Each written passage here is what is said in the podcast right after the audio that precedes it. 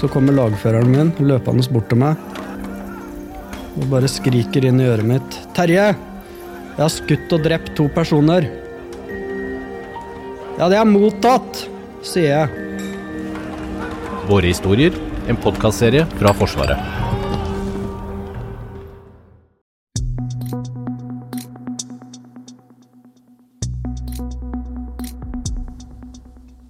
Denne uka startet på dramatisk vis. Russland skjøt raketter mot flere ukrainske storbyer. I kampen mot russerne har Ukraina fått store mengder våpen og utstyr fra Vesten og Norge.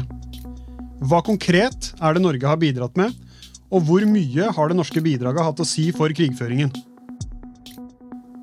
Du hører på Forsvarspodden, Forsvarets nye ukentlige podkast. Jeg heter Fredrik Tandberg.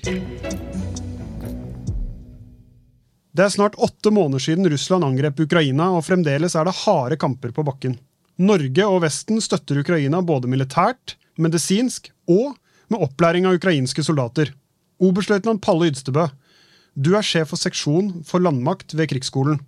Hvor avhengig er Ukraina av disse donasjonene? Helt avhengig. Uh, krigen uh, gikk altså Når Russland ikke klarte å vinne de første par ukene, så gikk krigen over til å bli en utmattelseskrig. Og Da flyttes på mange måter avgjørelsen fra slagmarka over i uh, ressursbasen som de, de, de stridende partene har. Og For Russland så er jo det russisk industrien, russisk økonomien, befolkning og andre ressurser som er under press delvis av, av vestlige sanksjoner og, og boikott, men ikke minst pga. et, eh, et eh, russisk vannstyre og en utbredt korrupsjon som også har fått hæren til å forfalle eh, de årene etter, etter, etter Sovjetunionens oppløsning. Så, og Det ser vi jo på måten russerne prøver å mobilisere folk på, og få materiell og slike ting. Uh, Ukrainas ressursbase, det gjelder personell, så er det ukrainere som er, både kan og vil slåss. Og industrimessig, økonomisk, så ligger det i Vesten. Da er det Vestens krigsindustri, det er Vestens, EUs og USAs økonomi, uh, som, som, da bærer, kan vi si altså understøtter de, de, ukrainske operasjonene. Så, så, sånn sett så er det da på mange måter en kamp mellom ressurs, totalressursene til Russland og det de klarer å få inn av, av eventuell. Uh, og Ukrainas, og ikke minst Vestens, som da ligger til grunn for, for det, det, tunge våpen og logistikken, og, og bærer egentlig hele økonomien til Ukraina. Du følger jo situasjonen veldig tett fra dag til dag. og Har du sett noen av de våpendonasjonene som Norge har gitt i det materialet du, du finner når du følger situasjonen? Ja da, det har vært synlig ifra holdt på å si, første M270-ene kom inn. Eh, så, og Ukraina har vært ganske gode sånn, på informasjonssida å vise fram det materiellet de har i bruk. Uh, og Det gjelder både, både M270, Mistralen uh, og ikke minst artilleriet. Så har det kommet inn en god del, del, del klipp for, for, bruk på dette. her. Og der det ikke har stått at det har vært norsk materiell, så er det da gamle artillerister som kjenner igjen skytser og, og, og, og særtrekk der. Så det, det, er noe av, av, av, altså det viser litt av kvalitetene på ukrainske informasjonsoperasjoner. At det er alt vestlig materiell som har blitt donert, omtrent som åpent i alle fall, har da blitt vist at, at brukes, at virker. Uh, og, og, det siste med M270 nå, blant annet, det var jo når de eh, monterte M270 på droner. Uh, og Da kom det jo spørsmål ganske kjapt fra media var, var de norske. Og ja, Det var iallfall den typen som Norge har produsert. Uh, og så var det litt fram og tilbake at det kunne vært fra Australia eller noe sånt muligens. Men, men, men det, det, det, sånn at, sånne ting så, er de svært gode på. altså. Helt konkret, Hvilke type våpen er det Norge har donert? Ja, til å begynne med så var det M72 panservernraketter og, og Mistral uh, lett luftvern som, som gikk inn, som var typiske defensive våpen. Eh, og de bidro sammen med de andre tilsvarende våpen som kom fra Vesten, eh, til at Ukraina unngikk å tape. Og klarte å, å slå tilbake den, den innledende russiske angrepet og stanse dem opp. Og tvang russerne til å trekke seg ut i, i nord, det som skjedde første måneden. Deretter så Noe av det viktigste Norge ellers har donert, er jo disse her artilleriskytset, M109-erne, som, som ble sendt ned. Eh, som da Ukraina har, har tatt i bruk eh, ganske radig, sammen med tilsvarende skyts fra USA. altså Det er jo da taua, taua skyts. Eh, Frankrike, Tyskland og andre land som da har sendt artilleri, inklusiv Polen, til, til Ukraina, som da har gjort det mulig for, eh, for Ukraina å kompensere for den russiske artillerioverlegenheten ved hjelp av vestlige skyts med høyere skuddtakt, bedre presisjon og lengre rekkevidde. Um, så av, de norske, norske, donasjonene så er det, nok altså, har de vært viktige i den innledende fasen for å hindre Ukraina å tape og, og, drive russerne ut, og deretter artilleriet for de offensivene som nå har vært kjørt, både i Kherson og i, i Kharkiv-området. Det er veldig mye prat om artilleri eh, i forbindelse med disse donasjonene. Kan du kort forklare hva er egentlig artilleri? Ja, Artilleri er kanoner, uh, og de uh, har da rekkevidde ut til ja, 40 km i alle fall, med de ammunisjonen som går nå. Kanskje lenger òg, med ammunisjon som ofte har da en liten rakett i, bak, som gir de lengre rekkevidde. De har vanlige sprenggranater, som kan da uh, enten sette granater av uh, før det treffer bakken, så du får eksplosjon over fienden og splintvirkning ned. Det kan eksplodere på bakken, eller de kan settes av, trenge ned i bakken hvis du skyter mot skyttergassystemer og går av ned i bakken der. I tillegg så har du ammunisjon som inneholder eh, kan vi si, selvstyrende kan vi si, kampelementer, som spesielt retta mot stridsvogner. Eh, som eh, sender ut en liten ladning med sensorer, som kan da finne mål på bakken, og, og da nærmest skyte mot en stridsvogn fra toppen, altså ned tårnet. Og disse her har òg samme rekkevidden, da. Sånn, sånn, artilleri i dag er, er svært fleksibelt uh, anvendelig uh, redskap, og det er avgjørende i, i krigføringa. 85 av alle tap i denne krigen her skyldes artilleri. Og det er på begge sider. Og det er en norm som har vært gjeldende i moderne krigføring tilbake til første verdenskrig. I forrige uke så kom det jo en pressemelding om at Norge sammen med Danmark og Tyskland kjøper artillerivåpen for 1 milliard kroner. Eh, hva slags type våpen er det snakk om? Det er skjelldrevet artilleri, som igjen er samme kaliber, eh, standard Nato-kaliber, eh, og kan gå egentlig rett inn i det inventaret som Ukraina allerede har. Um, antagelig litt lengre rekkevidde enn de 109-erne vi sendte.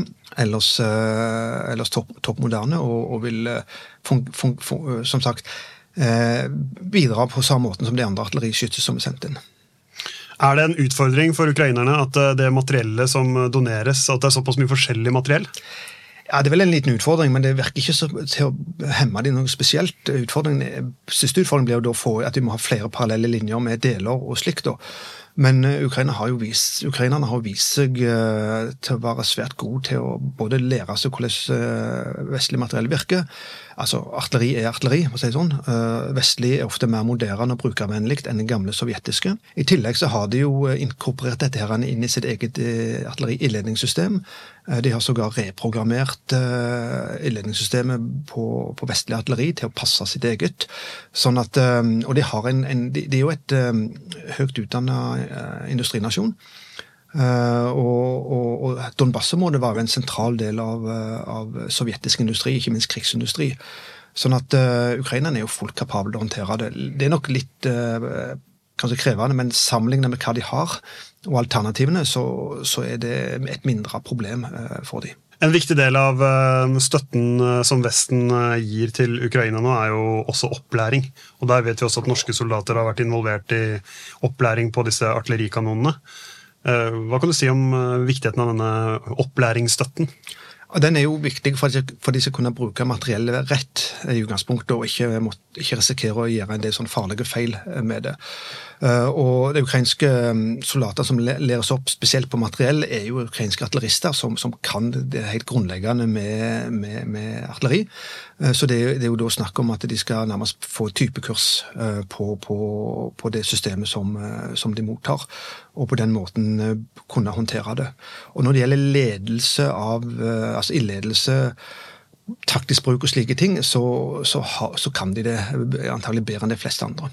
Det er jo Disse um, oppholdene som ukrainske soldater har utenfor Ukraina for opplæring, er jo ganske korte. Er de, liksom, er de lange nok til at det har noe effekt? Ja, altså det er jo spesifikke typekurs på den, det materiellet de skal jobbe med, de prosedyrene som de skal operere. Uh, og det er erfarne folk som kom ut her, som har, vært, som har krigserfaring og har brukt tilsvarende materiell i kamp. Så, og de er svært lærevillige, og, de, jo, eh, og de, de, setter enorm pris på, både offisielt og uoffisielt og i praksis, på det materiellet de får. Denne uken starta jo veldig dramatisk ved, med et stort uh, luftangrep mot uh, flere, flere, mål, i, annet i, i Kiev. Og, og, Vi har hørt at det var om lag 75 missiler som ble skutt ut fra, fra russisk side.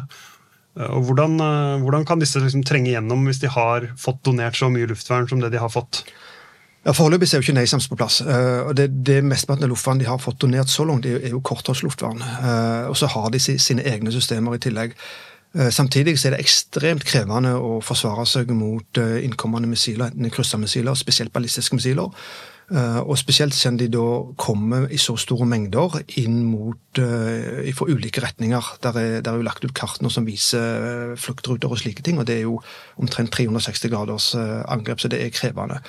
Det som er imponerende, er at Ukraina klarte å skyte ned over halvparten med de systemene de har per i dag. Uh, og, og det, det, det, tyder på at de har, de, har utviklet et uh, svært godt Jeg vil tro det er et ganske integrert blodfantsystem med ifra vars, tidlig varsling de har, og, og gjennom beslutningsprosesser til målprioriteringer og, og, og skyting av, altså, av, missiler mot, mot disse herrene. Uh, og, og, det er omtrent umulig å få fullstendig uh, tett for, altså 100% denne typen luftforsvar. Er, så, det er så teknologisk svært krevende, og så, så er det òg hva motstanderne gjør, og måten de angriper på. Og den missilmiksen som russerne hadde òg, gjorde det ganske vanskelig å få det til. Så det i seg sjøl viser jo at det at Ukraina klarte å ta, ta ned, eh, skyte ned over halvparten av det, det som kom inn, eh, viser at de er svært godt forberedt til å ta imot enda mer avansert luftvern fra Vesten. Norge har jo også sagt at de skal donere NASAMS luftvern sammen med amerikanerne. Hva slags type luftvern er det? Ja, det er noe av eh, det beste du har av, av luftvern for tida. Altså, er jo, opprinnelig så er det jo missiler lagd for uh, jagerfly, F-16 Amram, som norsk industri har modda og plassert på bakken. Uh, og kan òg ha andre, andre, missiler i det. det er et ekstremt, altså veldig godt integrert system med sensorer, med, med datastøtte, beslutningsstøtte og målutvelgelse, og kan styre en mengde missiler mot ulike mål. Eh, så det er, og det vil være ekstremt viktig til å, til å kontre den typen angrep som vi så eh, det vi så kryssermissil- og droneangrep mot, eh, mot, større byer. Og, og, Ukraina har jo vist at de har klart å utvikle eget luftvernsystem, integrert vestlige elementer i dette her. Eh, og, og brukt det både mot fly og, og mot innkommende missiler og, og, raketter og droner.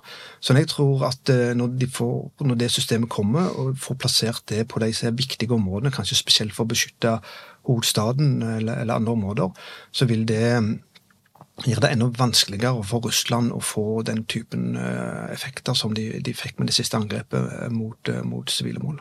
Du sier at informasjonsoperasjoner er en viktig del av av krigen. Og norske myndigheter er jo også veldig nøye på å holde informasjon tilbake rundt donasjonene sine. Kan du si litt om hvorfor det er viktig? Eh, om operasjonssikkerhet, altså for å hindre de donasjonene i å bli kan si, tatt ut underveis, altså ødelagt eller forstyrra på noe vis. Um, for det, det er jo en um, Sånn at de kommer, både, kommer inn i Ukraina, så er de, utsatt for angrep. Og russerne prøvde jo innledningsvis, når artilleri begynte å komme, å, forstyrre eller ødelegge dette med, med angrep mot jernbaneinfrastrukturen. Det, det klarte de egentlig ikke. Ukraina har litt for godt jernbanenett til det. Eh, men, eh, men det, er, det, er, ikke noe vits å fortelle russerne hva som er på gang. Eh, sånn at Dermed så holder du det skjerma til det er avlevert til ukrainerne. Og du, du har både informasjons låg på informasjonen. Du, du, du, jeg vil anta der òg gjennomføres forskjellige former for, for skjermingsoperasjoner for å avlede oppmerksomhet eller, eller, på andre måter beskytte de leveransene som går. og Det er jo enorme mengder. Uh, og det blir jo ikke mindre etter hvert. Og det mest bemerkelsesverdige er at russerne ikke er i stand til å hindre det. Det, det sier jo en del om den russiske kapasiteten, eller mangel på russisk kapasitet når det gjelder det å forhindre denne typen uh, våpenleveranser, som er, er, er svært store. Er det risiko for uh, Norge å støtte Ukraina med våpen og trening og medisinsk hjelp? Ja, Det spørs hva du legger i risiko. Eh, det er jo, Russland har jo eh, uttrykt til, samtlige land som gjør det, at de ikke er spesielt begeistra for det. Men samtidig så, så, er det fint lite de kan gjøre, i alle fall militært. Tatt i betraktning at 85% av de russiske bakkestyrkene er engasjert i Ukraina, og der har tatt store tap. Det gjelder ikke minst de avdelingene som er, har vært gruppert ut på, på russisk side av, av grensa i nord. Og de er heller ikke interessert å provosere fram en, en eh, væpna konflikt med, med Vesten. Så, så, sånn sett så, så, er nok trusselen mer av altså Den er i så fall ikke militær. Det, kan være, det ligger mer på an, an, andre nivåer. Eh, det vi har sett mest til nå, er jo disse her eh, aktivitetene med ymse såkalte forskningsfartøy, meldinger i media som genererer litt debatt her i landet, altså skaper støy sånn sett.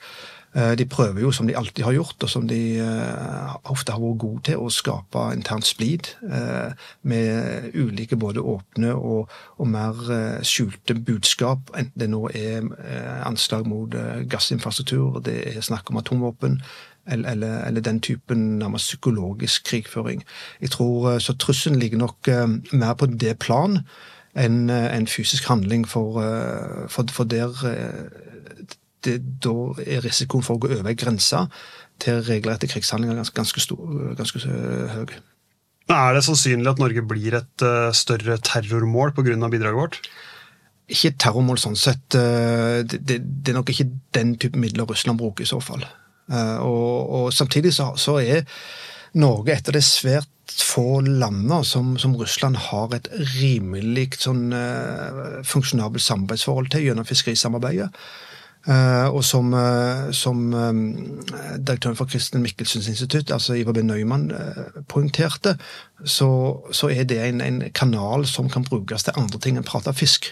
På samme måte som, som i, i, under den kalde krigen, at kanaler som var lagd for et teknisk formål, ofte ble brukt til å ta opp andre ting. Så av den grunn så tror jeg ikke Russland i det hele tatt er interessert i å gjøre noe som kan forstyrre forholdet de har til Norge, for det er en av de få plassene de har til å ha en, eh, en kommunikasjon med, med Vesten. Fra, din, eh, fra ditt perspektiv, hvor stort er behovet for videre donasjoner? Ja, det er stort. Eh, det er mer Jeg tror det handler mer om hva Ukraina kan ta imot, enn hva vi kan gi. Og sånn som krigen utvikler seg, altså med at Ukraina har det strategiske initiativet Russerne evner ikke å respondere på det skikkelig. Spesielt ser du det på på deres manglende muligheter til å, til å rekruttere folk og til å få tatt ut materiell fra lager, materiell som har blitt ødelagt på lager, rett og slett. Så dess mer de får, dess raskere kan de få nedkjempa de russiske styrkene og dreve de ut av Ukraina. Sånn at, eh, og til tross for en del russisk hysteriske rop om eskalering og sånne trusler, så kan ikke Russland eskalere med konvensjonelle midler. Og de vil antagelig ikke Eh, jeg vil si med svært liten sannsynlighet, eskalere med bruk av masseødeleggelsesvåpen på noe som er et felt. Eh, så, så sånn, Dess mer Ukraina får av tunge våpen og, og ammunisjon, spesielt artilleri, eh, dess raskere vil de være i stand til å avslutte denne her krigen ved å nedkjempe russiske styrke, okkupasjonsstyrkene og ta tilbake landet sitt. Helt til slutt, Palle Ydstebø. Hvordan er egentlig situasjonen i Ukraina akkurat nå? Sånn den er nå, på bakken, så har Ukraina det strategiske initiativet. Det har vært en kamp om det siden mai. Det virker nå som Ukraina har tatt det, og Russland stor, vil ikke ha sjanse til å ta det tilbake med det første. Så Ukraina kjører en offensiv i nord. Eh, videreføring av den som var i Harkiv i forrige måned. Har nå trengt inn og presser seg østover i eh, Luhansk fylke, som for øvrig eh, Putin har annektert. Um, og Det har gått litt trått det siste, men det er jevn framgang, og de har en, tydeligvis en klar plan uh, mot uh, russiske forsyningslinjer i første omgang. Så har du offensiven i sør med Kherson, som har gått siden juni. Uh, og den har hovedsakelig bestått av et jevnt militærpress på de russiske styrkene nord for Dnipro-elva, rundt byen Kherson. Uh, og at de uh, ukrainerne har da kutta forbindelsene over, over Dnipro-elva, bruene i Kherson og, og ved, ved, kraftverket med Novakahovka, sånn at russerne nekter skikkelige forsyninger. Så de, de, går nærmest bare på det de får over med ferjer.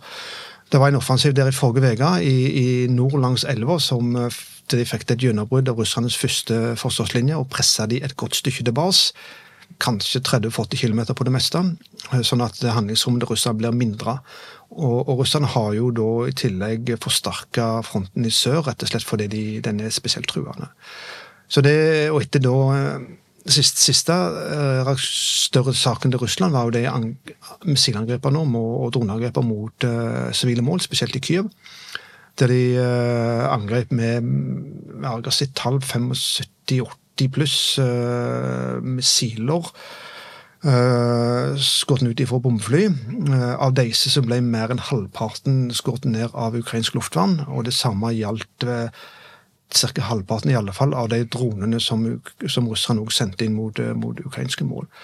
Så Sånn jeg ser situasjonen nå, så er ikke Russland i stand til å reagere militært på bakken mot de, den ukrainske, de ukrainske offensivene. Og kan kun respondere med fortsatt terrorangrep mot, eh, mot sivile mål. Er det mulig å vinne krigen da, når du ikke kan respondere eh, med landstyrker? Russland kan ikke vinne krigen, sånn jeg ser det. Ukraina kan vinne krigen. Hva er det som får deg til å si det? Og Det er rett og slett at Ukraina har tatt uh, initiativet, altså strategisk initiativet. Det har tilkjempa seg det over flere måneder. og Sånn som det er nå, så klarer ikke Russland å reagere på det. Og For at da Ukraina skal vinne, så må de ha, uh, den, ha støtte fra Vesten minst på det nivået som er nå. Og kort, liksom litt tabloid, dess mer de får, dess raskere kan det gå, og med mindre tap kan de vinne denne krigen. Så i og med at krigen er en ressurskrig, og Ukrainas materielle ressurser hentes fra Vesten, så, så, er det egentlig omfanget av vestlig støtte som, som er avgjørende for uh, på hvilken måte og hva tid Ukraina kan vinne. Du har hørt på Forsvarspodden. Hvis du likte det du hørte, del det gjerne med noen du kjenner. Forsvarspodden lages av Hege Svanes, Kristine Hellesland, Lars Petter Hallingstorp, Thomas Haraldsen, Jørgen Lyngvær og meg, Fredrik Tandberg.